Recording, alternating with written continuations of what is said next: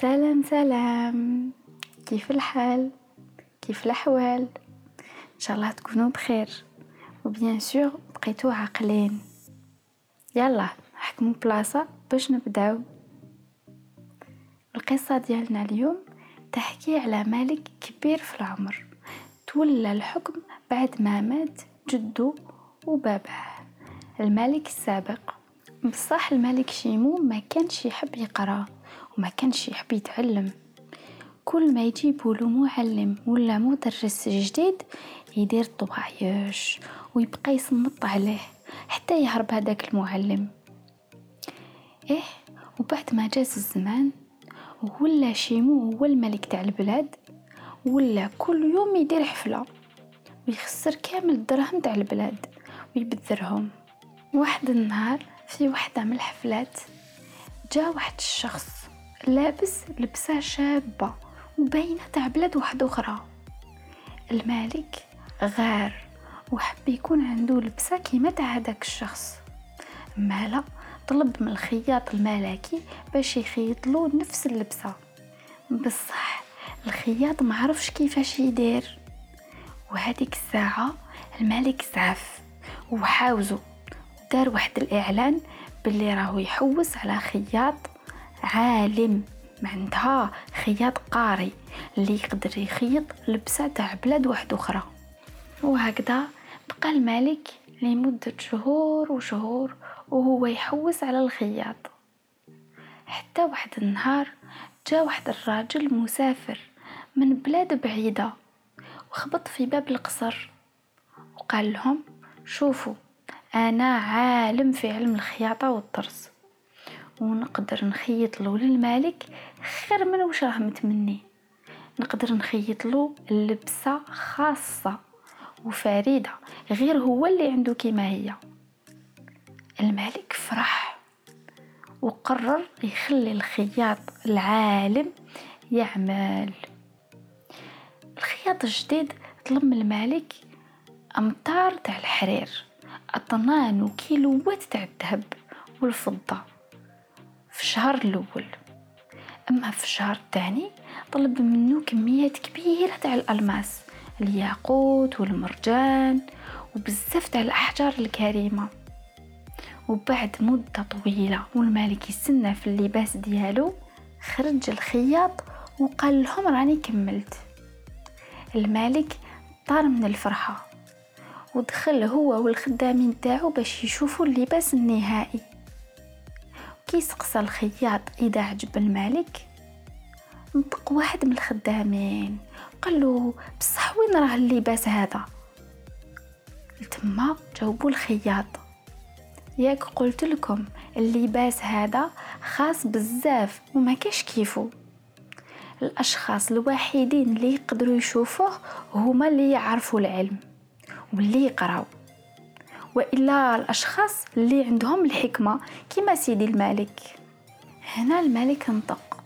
بعد ما خرج من الحالة تاع الدهشة اللي كان فيها. وقال لهم باللي عمرو ما شاف لباس جميل كيما هذا.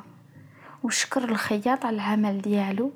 وخلصوا بقناطر تاع الذهب. حتى كمل كامل الخزينة. وخلاه يروح ويرجع لأهله. الملك كان فرحان باللباس ديالو. وبالطبع قرر يلبسو ويخرج به للناس ويحتفل معاهم في اليوم التالي. وخد من داك كي خرج الملك باللباس العجيب ديالو. الناس كامل سمعت باللي اللباس فريد ويشوفوه غير العلماء أو الحكماء. إيه مالا بقوا كامل مدهوشين ومستعجبين غير واحد المجموعة صغيرة تاع الشباب اللي جاهم الضحك ولما شافهم الملك يضحكوا أمر الحراس باش يرفدوهم ويدوهم للحبس ويعاقبوهم. كما كان الحال أداوهم للحبس. لكن بعد مدة القصر بدأ يفرغ. بداو يروحوا العمال والخدامين وحتى الحراس والطباخين. الملك ما فهم والو. إما لا سقسى الحراس الشخصيين ديالو. قالوا له بلي كل العمال راحوا للقصر تاع الملك الجديد اللي يساعد السكان باش يتعلموا ويعاونهم في حياتهم اليومية. مالا الملك شي مزعف وتقلق. قال لهم خلاص مالا يلا نديروا الحرب ضد الملك هدايا. وقال لهم للحراس باش يجهزوا الجيش ويروحوا يحاربوا. ونسى باللي الجيش تاني راحوا. ما بقاولو برك الحراس المقربين. وهذوك الشبان اللي راهم في الحبس. مالاتيك راح لعندهم. وقال لهم شوفوا نخرجكم من الحبس أرواحوا برك تحاربوا معايا. بصح هما جاهم الضحك.